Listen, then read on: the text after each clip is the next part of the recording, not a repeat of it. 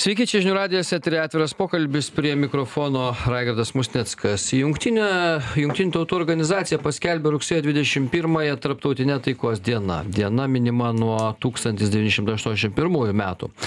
Jungtinių tautų organizacijos generalinė asamblėja rekomendavo visoms valstybėms šią dieną laikyti visuotinę susitaikymo dieną ir net karo metu šią dieną nutraukti karo veiksmus.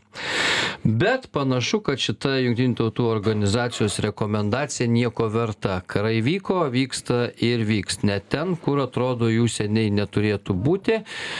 Ir aišku, turbūt kaip paradoksas atrodo tai, kad netgi minint šitą dieną kuri minima rytoj karai kai kur dar ir prasideda kaip karabache ir ir dar yra vietų kur rastume. Taigi tarptautinė taikos diena ar įmanomas pasaulis. Be karo apie tai šiandien šnekėsime aptarsime įvairias vietas kur vyksta karai kodėl kaip e, ir ir kaip reikėtų vertinti pasaulį kariaujantį ir ar įmanomas toks pasaulis be karo ko reikėtų tam? Apie tai šiandien laidoje buvę užsienio reikalų ministrai ambasadoriai antanas valionis ir petras vaitiekūnas sveiki. Sveiki. Labą dieną.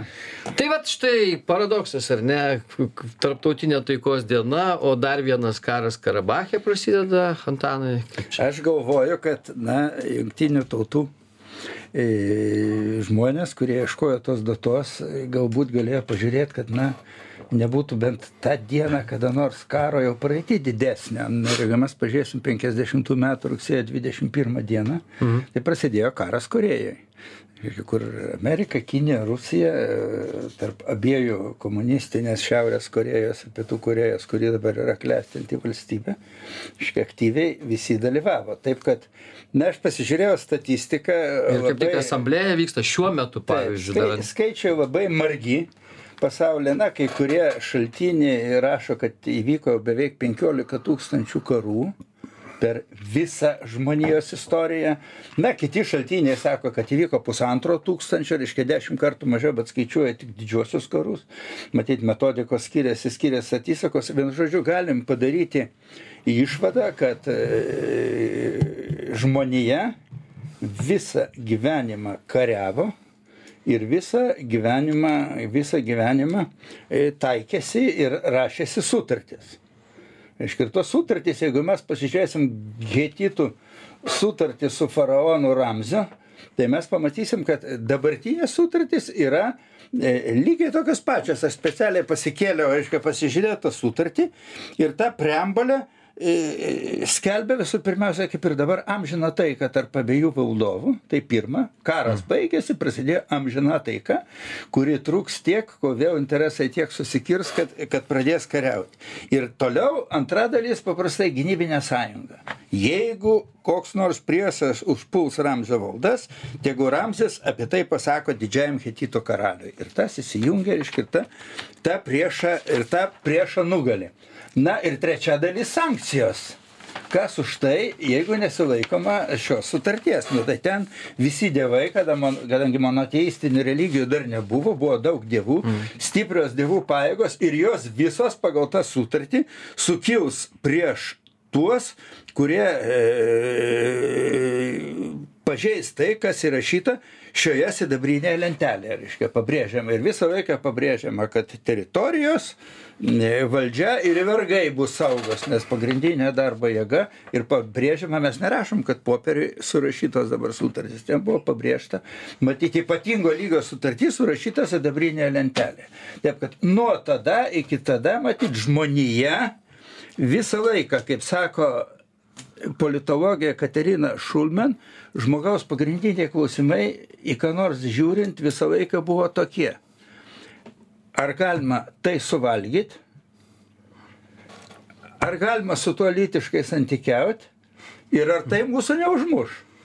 Mhm. Trys dalykai, reiškia. Tai apibendrinant, galima sakyti, kad pasaulį ir žmonės valdo baimė ir godumas kovojant dėl dėja ribotų, e, ribotų resursų, ypač augant žmonių skaičiui ir, ir, ir, ir augant ir resursams taip pat, bet augant įrankiams, ta kova taikiom priemonėm dažnai nesibaigia ir, ir tiesiog, kaip sako Klausevicas, mes, reiškia, naudojam prievartą, kad įvykdyti, reiškia, savo E, savo planus e, kaimynų atžvilgių taip, kad jie vykdytų mūsų norus. Tai čia mažiau gal populiarus e, Klauzevico teiginys. Pirma, visi žino, kad tai politikos tesinys kitom priemonėm. Aš vėl visada paklausiu, o ar netvirkščiai, ar ne politika, jeigu žiūrėti istoriškai, karo tesinys kitom priemonėm.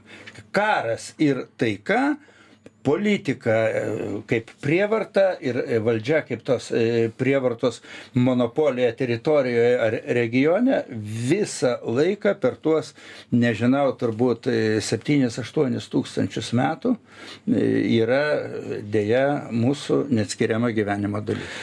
Tai va, Petrai, nieko neišmoko žmonėje nuo Ramzio laikų, ar ne?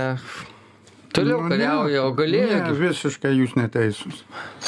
Ir Antanas kalba apie e, e, dešimtus tūkstančių metų ir karus, nekreipdamas dėmesio į paskutinius 80 metų kai jo visi pateikti pavyzdžiai rodo, kokiu pagrindu buvo siekiama susitaikymu, subalansuojant jėgas subalansuojant interesus, resursus kažkaip pasidalinant, pažadais ir taip toliau. Pasirodė, kad, kad pasaulis kuriamas ant jėgų balanso yra nestabilus ir anksčiau ir vėliau griūva. Ir po antro pasaulinio karo buvo atrastas kitas pagrindas taikai ir, ir susitaikymui. Ir tai veikia 80 metų, nes susitaikė amžini priešai, amžini priešai Europoje, sukėlė antrą pasaulinį karą, tai vokiečiai ir prancūzai, vokiečiai ir lenkai, lenkai ir lietuviai. Ir ta susitaikymo banga yra realus, realus įrodymas. Dabar karas Europos. Bet čia Europa. Čia Na, tai Europa, kaip tai pasaulis ten toliau kariavo kur nors dar, ne? Pirmieji 80 metų ir autokratijos klubas, diktatūros klubas bando šitą pasaulio tvarką nuginčyti Antano lūpomis, tai pasakyti, kad jokių vertybių čia nėra, remtis nereikia, reikia interesais remtis. Tai, tai yra diktatūros svajonė. Ir Putinas tai ir daro. Petrai, Sako, dabar... pasiduokit mums ir bus taika. Petrai, dabar tu primeti man žodžius, nepacituodamas ir nepasakydamas, kurio aš Atsiprašau. niekad nepasakiau. Atsiprašau. Tau reikia priešininko, kad kurį tu išsigalvoji, iš mano asmenį, neišsigalvok, cituok žodžius, jeigu nori argumentuoti, sakyk argumentus, kuriuos aš pasakiau ir juos paneik, bet ne, tu plaukiai padebesiais ir, ir sakai, pamirždamas taip po karo susikūrė vertybinė sąjunga, kuri prasidėjo kaip anglies ir plieno sąjunga, jeigu kalbėti apie visas vertybės, tai ir jas turim paminėti. Toliau tęsiasi kaip ekonominės prekybos zona, jeigu kalbėti apie Europos sąjungą. Po to atsirado Kopenhagoje tik tai 99 metais turbūt vertybinis pagrindas ir mes stodami į Europos sąjungą iš tą vertybinį pagrindą turėjome atitikti. Euroatlanto sąjunga irgi grindėsi demokratiniam vertybėm jau nuo pat pradžių bet tu kalbi apie regioninę, reiškia, viršvalstybinę organizaciją ar organizacijas, jeigu kalbam apie NATO ar Europos Sąjungą. Bet jeigu tu pažiūrėsi visą globalų pasaulį, tai tu matysi tris didelės grupės. E, Euroatlantinė erdvė, pasakykim taip, reiškia Rusija su savo okupuotais satelitais, reiškia jėga gniaužianti bet kokį pasipriešinimą. Ir trečiasis pasaulis, va tai tau, kad išsklaidyti tavo, reiškia, tą rožinio, reiškia, barbės spalvos e, populiaraus filmo, reiškia, koloritą, aš dabar pasakau, kad realybė dėja buvo visai kitokia. Buvo jėgų balansas tarp šitų abiejų e, jėgų, tai yra Šiaurės Atlanto ir, ir Sovietų Sovietų sąjungos su satelitais ir trečiasis pasaulis, ten, kur didelį vaidmenį Josifas Brostyto ir Jugoslavija vaidino, blaškėsi ir buvo tarp tų dviejų e, blokų ir, ir, ir buvo konkurencija. Taip kad sakyti, kad ten jau buvo idilija, tikrai jokių būdų negalima. Ir, ir idilijos, aiškia, idėja tai buvo Fukijamos istorijos pabaiga kada jau viskas baigėsi bet kokie autoritarizmai, nugalėjo liberali demokratija ir toliau, reiškia, e, kaip pasakos pabaiga, ilgai ir laimingai gyvensim. Deja, matom, kas gavas. Gerai, e, trumpą pertrauką darom, e, po pertraukos pratesim.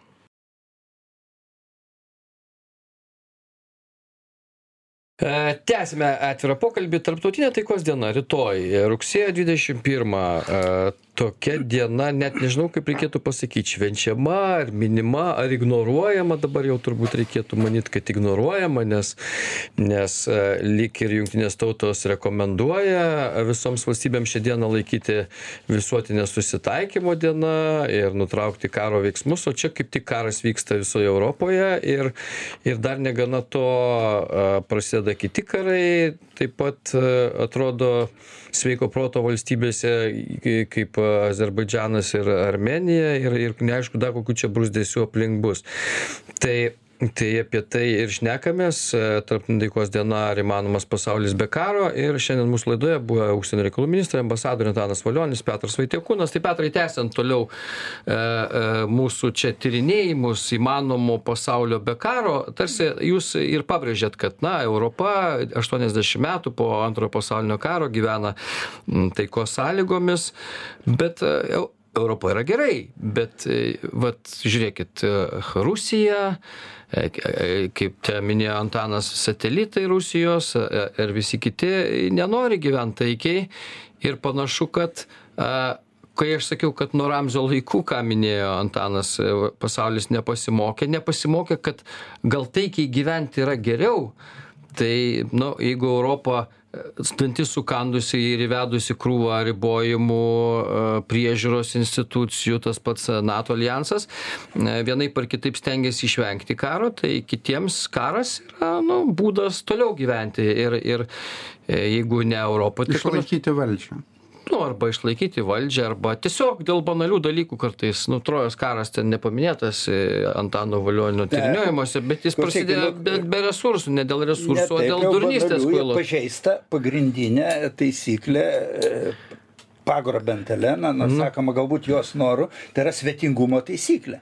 Dėl kurios, aiškiai, prasidėjo beje pirmiausiai dėrybos, aiškiai, buvo nuvykta pas Priamą, aiškiai, pario tėvą ir, ir bandyta Eleną susigražinti. Tai čia taip, bet, Vėliau karas. Jo, bet Trojos karo istoriją mes ir Liedo Odisėją gerai žinom, bet esmė ne tame, esmė tame, kad susigalvoti, dėl ko kariauti, visą laiką susigalvos. Ar tai bus resursai, ar tai bus nebus resursai, ar tai bus tiesiog įžeidimas e, e, ir, ir, ir kiti dalykai. O čia klausimas, e, ar yra priemonių, e, kad vis dėlto karai kaip nors nevyktų.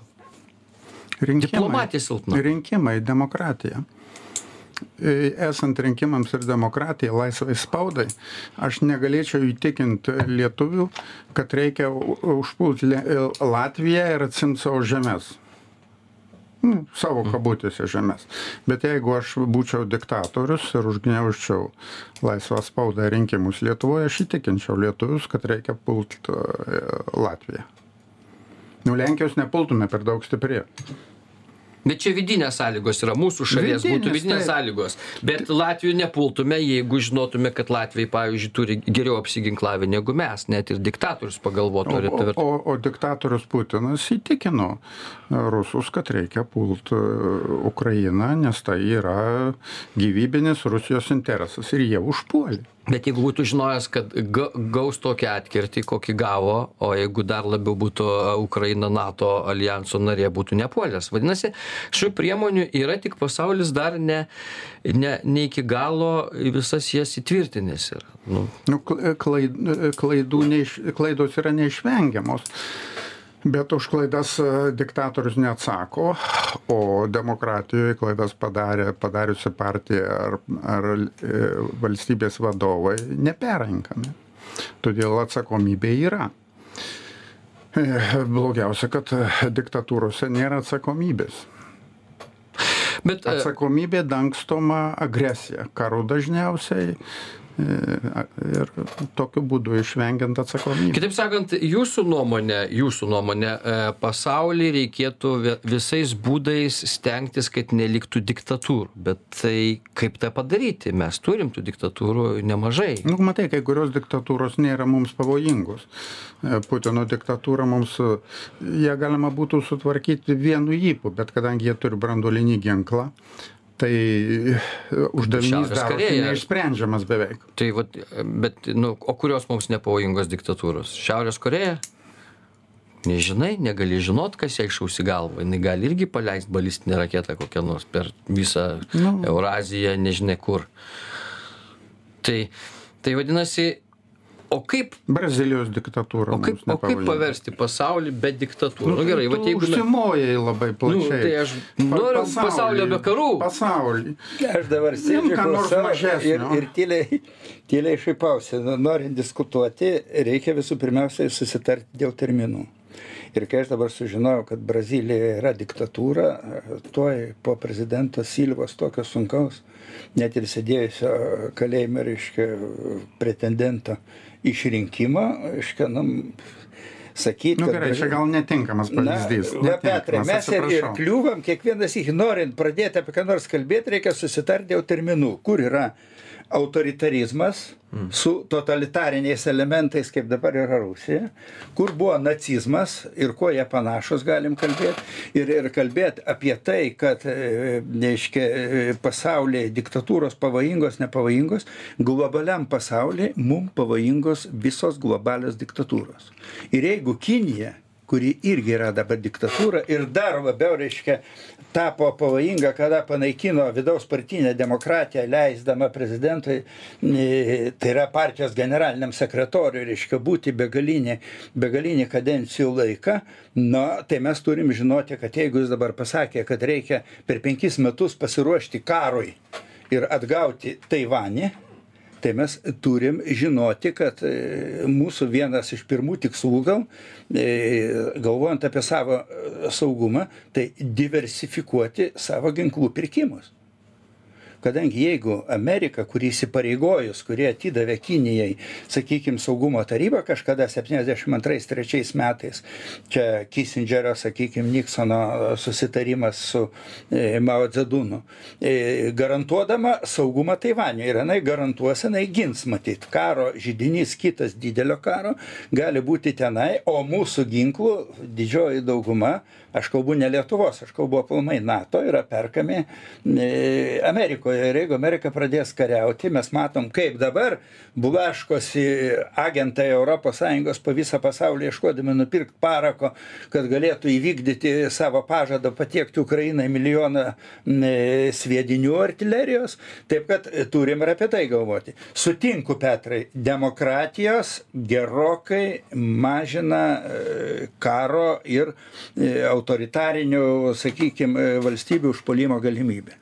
Ir, na, galim prisiminti čia įvairius dalykus, Turkijos, sakykime, Graikijos karą dėl Kipro ir taip toliau, kad abejonių šiek tiek įleisti į šitą, į šitą pusę. Taip, iš tikrųjų ir dėl to ES ir NATO puikiai suvokdamos e, šitą faktą per demokratijos e, ir laisvos rinkos ekonomikos filtrą praleidžia taip sakant prafiltruoja visas valstybes kurios nori stoti į nato ir pasiruošimo programą kurią ir mes turėjom vykdyti. Tai yra e, demokratijos buvimas ir laisvos rinkos ekonomikos buvimas. Tas pats ir kitiem bet mes nepamirškim jeigu indiją laikom didžiausia pasaulio demokratija kas priimta sakyt su visais niuansais su kastom ir taip toliau ją palikim gal sakykim neutralioj zonoj nėra iki galo demokratija bet ir nėra diktatūra bet didžiausia pasaulio diktatūra milijardas keturi šimtai milijonų yra kinija.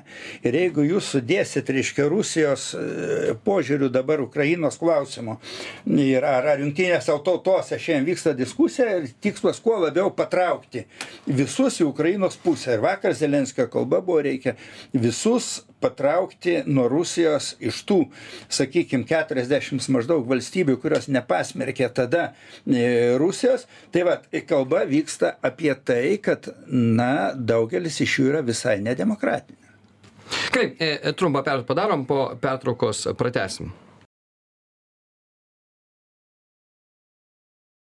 Tęsiame atvirą pokalbį. Tarptautinė taikos diena rugsėjo dvidešim pirmą. Ar pasaulis įmanomas be karo? Šiandien keliame tokį klausimą ir gal na žiūrime į tai kas dėl ko prasideda karai kokios būna priežastys ir ir mm, ką reikėtų padaryti kad e, karų nebūtų utopinė mintis bet e, kai tomas moras rašė savo utopijas nežinojo kad kada nors bus panašių dalykų pasaulyje.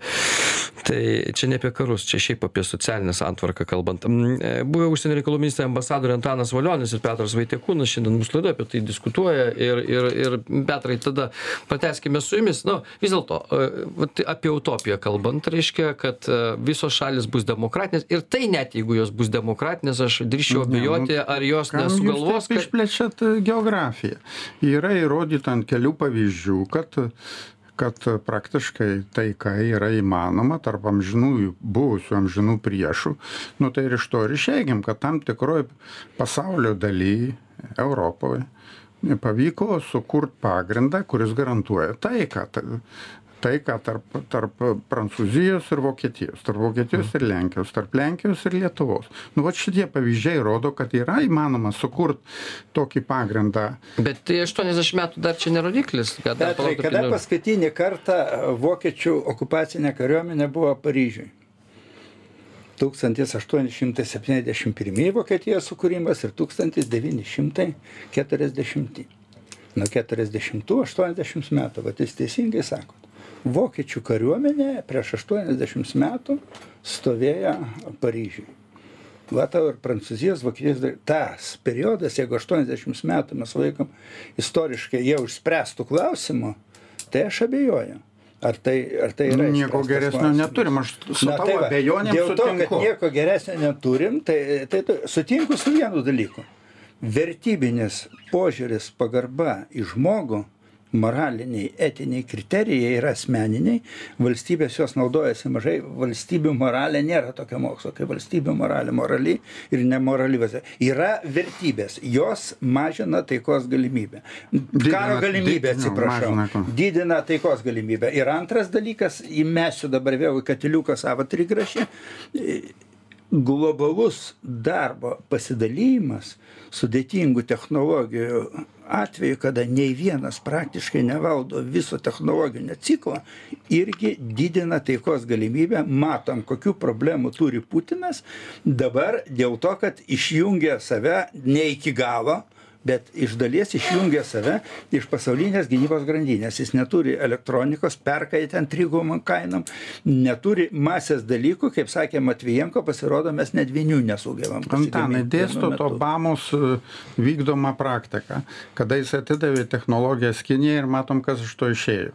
Visos šitos kalbos kad e, darbo pasidalinimas e, tarpusavio priklausomybė čia vokiečiai labai mėgo kalbėt kalbėdami apie rusiją mėgo ir mėgsta vokiečių yra visa ideologija per darbo pasidalijimą ir valstybių ekonominius ryšius reiškia garantuoja tai kad tai yra visa Tarp ideologija demokratinių valstybių pasirodo jeigu tu atiduodi technologijas diktatūrai tu gauni atgal karą Tai Afganistano atveju. Vėl, Petrai, kaip tu gražiai kalbi ne kaip ministras, bet kaip propagandistas.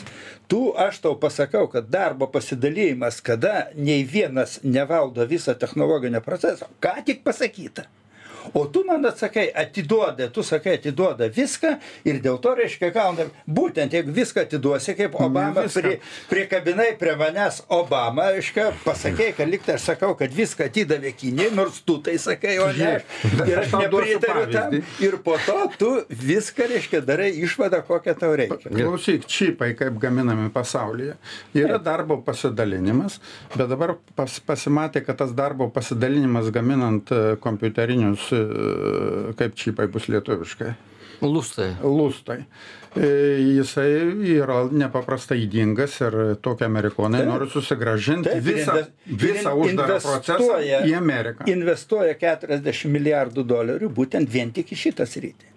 O gamyba staklių, kurios, kurios gali tos lustus gaminti, jinai yra Europoje, beje. Kelios, septynios, Dėkui aštuonios Dievui, statės kad Nyderlanduose. laiku buvo susigriebta Na, ir, apie- ir mes netapom priklausomi nuo, Kim, nuo Xi Jinpingo įnorių ir, ir jo nesėkmių.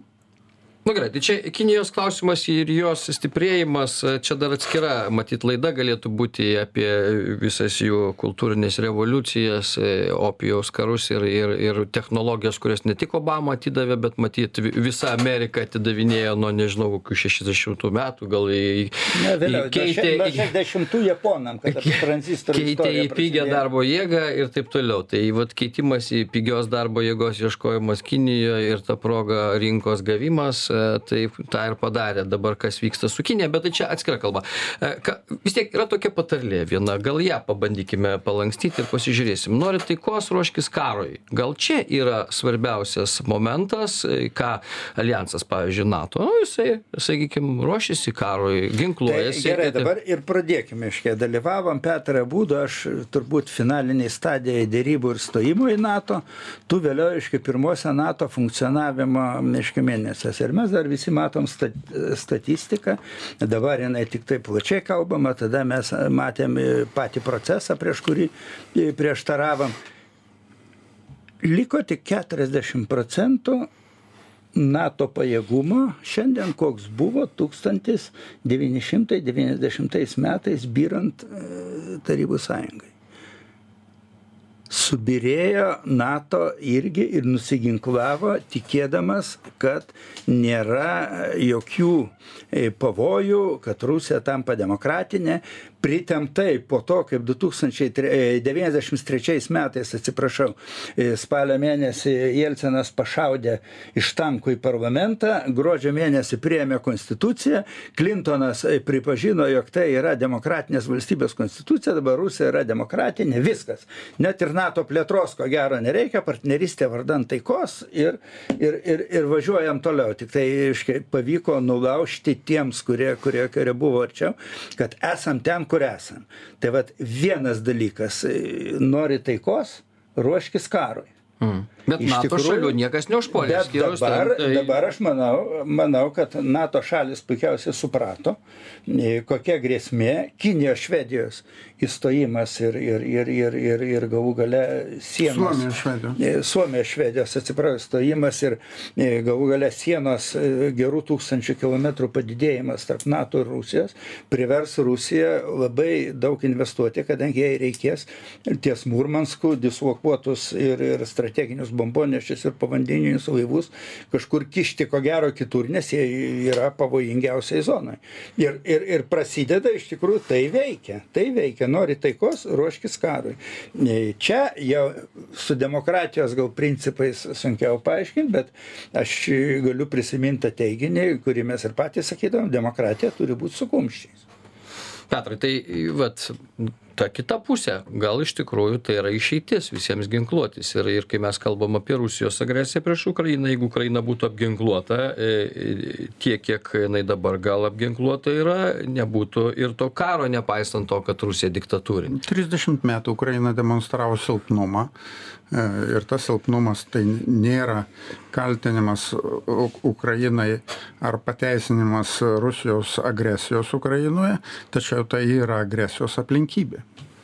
Dar vienas klausimas, e, man toksai įdomus, sakykime, to pasaulio žandaro buvimas. e, Iš esmės jisai gana svarbus. Ir, na, mes iš tikrųjų sakom, apsiginklavimas, ruošiesi ten taikai, tai ruoškis karui, daug demokratijų, mažiau karų, bet iš principo vis tiek e, kažkur vat jungtinių tautų organizacija, kuri tarsi turėtų užtikrinti taiką ir ten prižiūrėti, jinai tos funkcijos netlieka. Vadinasi, kažkaip tai su pasaulio žandaru, kuris bet kokį konfliktą galėtų spręsti, jeigu kas nors nutiko, a, ar vienoje kitoje pasaulio vietoje, čia mes visi ant Europos susiciklinę esam, bet iš esmės yra tų vietų, kur ten tie karai vyksta ne mažiau, mes tik tai jie mums nesvarbus, bet žmonijai, ten, kur, bet kur kitur, a, kur, kur vyksta karai, jiegi tai svarbus toms tautoms, tarp kurių vyksta. Ir šitoje vietoje, kodėl a, jungtinių tautų organizacija veikia neefektyviai, nėra, netlieka to, sakykime, prižiūrėtojo vaidmens. Ar įmanomas tai tokį sukurti, Antanai?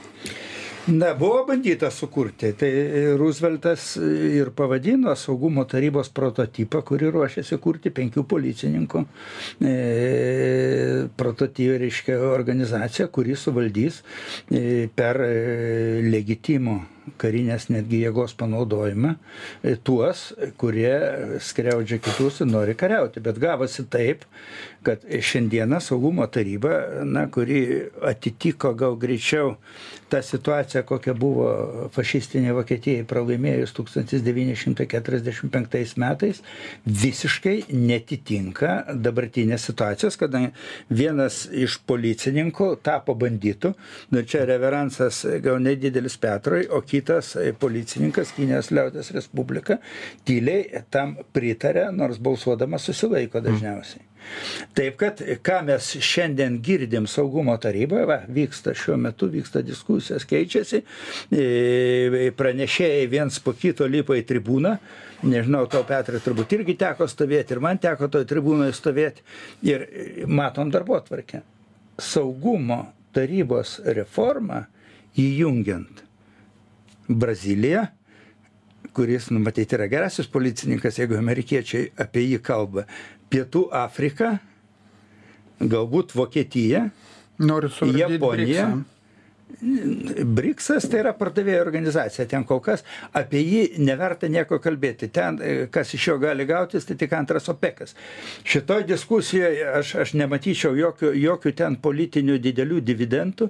Ir tai bus, aišku, Kinijos instrumentas visų pirmiausia, ne Rusijos, bet mes kalbėkim apie saugumo tarybą, būtent apie tą policininką, kuris pakilęs kiekvienas iš tų sėdinčių klausimas, reiškia, turės veto teisę ar neturės tie nauji nariai, tikrieji nariai saugumo tarybos, kada mes ją reformuosim. Nuo to labai daug priklausys ir kaip vėliau tą tarybą reformuoti, nes nėra mechanizmo kol kas išjungti agresorių iš saugumo O tarybos. ką reiškia nėra mechanizmo? Generalinė asamblėja gali e, prabalsuoti, kad jį išmest, bet pagal įstatų saugumo Jo, taryba turi išmest. patvirtinti šitą sprendimą, kuri veto teisę gali naikinti e, Rusiją ir vėl. Taip kad nėra mechanizmo. Už tai nėra jokio mechanizmo, kaip išeiti iš tos situacijos. Ir, ir tik tai naujų narių įjungimas, jeigu statutas nebus pakeistas, jisai e, tik tai politinį spaudimą didins agresoriam, kadangi balsai ir taip, sakykime, na, iš tų e, penkių, tai sakykime, trys e, prieš vieną, keitimo, Kinija. kiek reikia, ko reikia statuto pakeitimui? iš Nu, reikia susidėrėti, pasirašyti visom valstybėm, ratifikuoti savo parlamentuose ir, ir, ir, ir, ir tada, tada viskas įvyks. Rusija ratifikuos tokią pataisą, kuri atima turi tokį instrumentą. vienbalsiai ratifikuoti? Na taip, tada Rusija, aiškiai, mes išmetam, galbūt, jeigu įrašysim taip, kad tie, kurie net ir ratifikavo, yra nenariai. Ir, ir, ir turim kažkokį, reiškia, opą, kuri netgi yra nekontroliuojama. Ir, ir kas tada klausimas geriau? Ar pasilaikyti kažkokius poveikio Rusijai instrumentus dabar su šitais veikiančiais, ar juos iš viso neturėti? e, to organizacija ir tada iš viso neprognozuojam jos veiksmų. Gerai, tai Petrai. Filosofinis klausimas, čia nėra atsakymų. Atsakymą sužinosi padaręs. Dabar gali samprotauti arba taip, ar taip, e, ga, darom tokį, tokią reformą, nedarom tokios reformos. Atsakymą sužinosiu po to, kai tu tą reformą padarysi. Nes dabar e, akivaizdu, kad e, na, Junktinių tautų organizacija tampa pašaipos objektų iki šito karo akivaizdoje ir kitų karų Ne, akivaizdoje. tai buvo visą laiką objektų, sakykime, didžiausia diskusija dėl Irako. Tada rezoliucijos ir, ir, ir karinės jėgos panaudojimą prieš Iraką buvo didžiausia diskusija. Žinoma, Vokietija, Prancūzija buvo kategoriškai prieš tada, na, Prancūzija kaip saugumo tarybos narė neleido priimti jokios naujos rezoliucijos, tai Bušas pasinaudojo tą senąją Bušų tėvai kažkada duotą rezoliuciją. Ir tokių dalykų, tokio neefektyvaus e, veiksmo ir nuolatinio kalbėjimo, kad tai yra e, plepologijos vieta, kur du kartus dažnai per metus susirenka, ar kartą rugsėjo mėnesį vadovai, vadovai visi susirinkę generalinę asamblėją, Taikos dienos proga. sėdė ambasadoriai ir, ir, ir, ir, ir, ir jie kalba, bet tai tas kalbėjimas irgi yra svarbus. Tai gerai, e, pasaulis be karo grįžtam į pradžią iš esmės sugriuvo mitas apie petrai apie Europą be karo iš esmės ir, ir viskas čia sugriuvo. Mano nuomonė tik tai sustiprėjo ir ne mitas, sustiprėjo supratimas, e, kokiu būdu galima užtikrinti ilgalaikę taiką. Išeinant iš to, kad žmonės karo nenori. Ir jeigu žmonės turės balsą, kurį išreiks e, rinkimuose, karų nebus.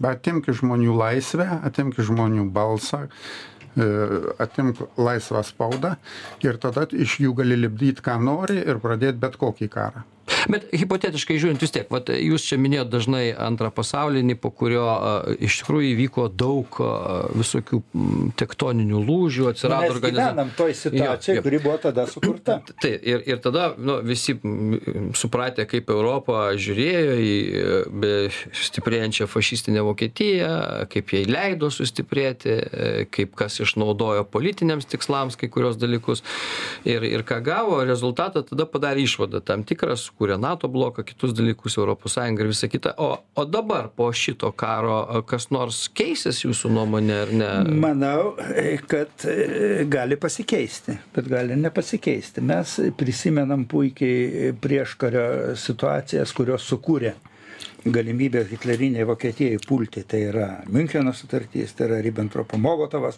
paktas, tai yra sudeto atidavimas, tai yra jaugi.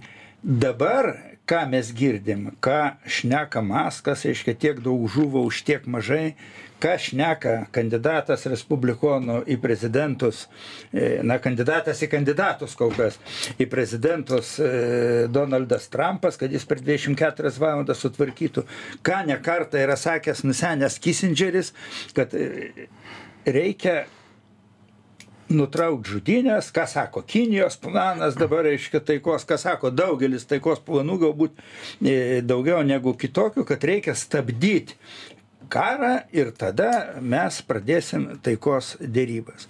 Tai tas pats miunchenas. Tas pats sutikimas kad reiškia aš atnešam taiką kaip sakė čemberlenas ar ne grįžęs į britaniją iš miuncheno aš atnešiau taiką amžiams į ką čerčilis atsakė kad tu atnešei karą ir gėdą. Jo jo tai dabar jeigu mes iš tikrųjų sutinkam jog reikia stabdyti ir tai man tai labai primena vėl tą patį miuncheną kad reiškia mes tada stabdom karą nuo kurio visi pavargo. Ukraina priklauso nuo e, vakarų demokratinių valstybių paramos nuo plačiau sakykim nuo ramšteino koalicijos kur virš penkiasdešims valstybių yra. Ir e, tą sustabdyt labai nesunku tiesiog tos valstybės sumažina paramą karinę tam tarpe ir Ukraina nelabai gali kariauti. Tai vad, aš bijau, kad mes galime iki to ateiti ir tada visa Petro argumentacija, dabar aš jam perdodu žodžiu, apie tai, kad demokratijos, aiškiai, daro viską, interesai daro viską. Gali žlugti geras noras gražinti Ukrainą per artimiausius e, metus ar pusantrų iki 91 metų sienų todėl kad de demokratijos ir branduolinis ginklas neturi nieko bendro ypač kai tas bendro branduolinis ginklas priklauso diktatoriui. Pagilinkit mintį. Mes turim reikalą ne su demokratija o su su išprotėjusiu diktatoriumi kuris grasina pasauliui branduoliniu ginklu štai petrai tango šoka dviese ir tam demokratinės tarpusavy nekariauja bet agresoriai šito nežino deja gerai e, gaila laikas baigėsi. Čia visai e, smagu buvo pasiklausyt e, jūsų skirtingų požiūrių į karą taiką ir priežastis ir ir pabaigas. A a toks jau kaip sakoma diplomatų vaidmuo yra sa savaip matyti iki e, tai kas vyksta pasaulyje ir ir tuo yra žavu. Mm, ačiū e, jums. Priminsiu šiandien pas mus laidoje buvę užsienio reikalų ministrai ambasadoriai antanas valionis ir petras vaitiekūnas. E, gerbiami klausytojai nepamirškite vis dėlto rugsėjo dvidešim pirmoji taikos diena bent jau savo namuose tos taikos kaip nors laikykitės nes pasaulis dar neaišku kada supras kad taika yra vertybė. Tai tiek laidoje laidoje ačiū visiems už dėmesį iki kitų kartų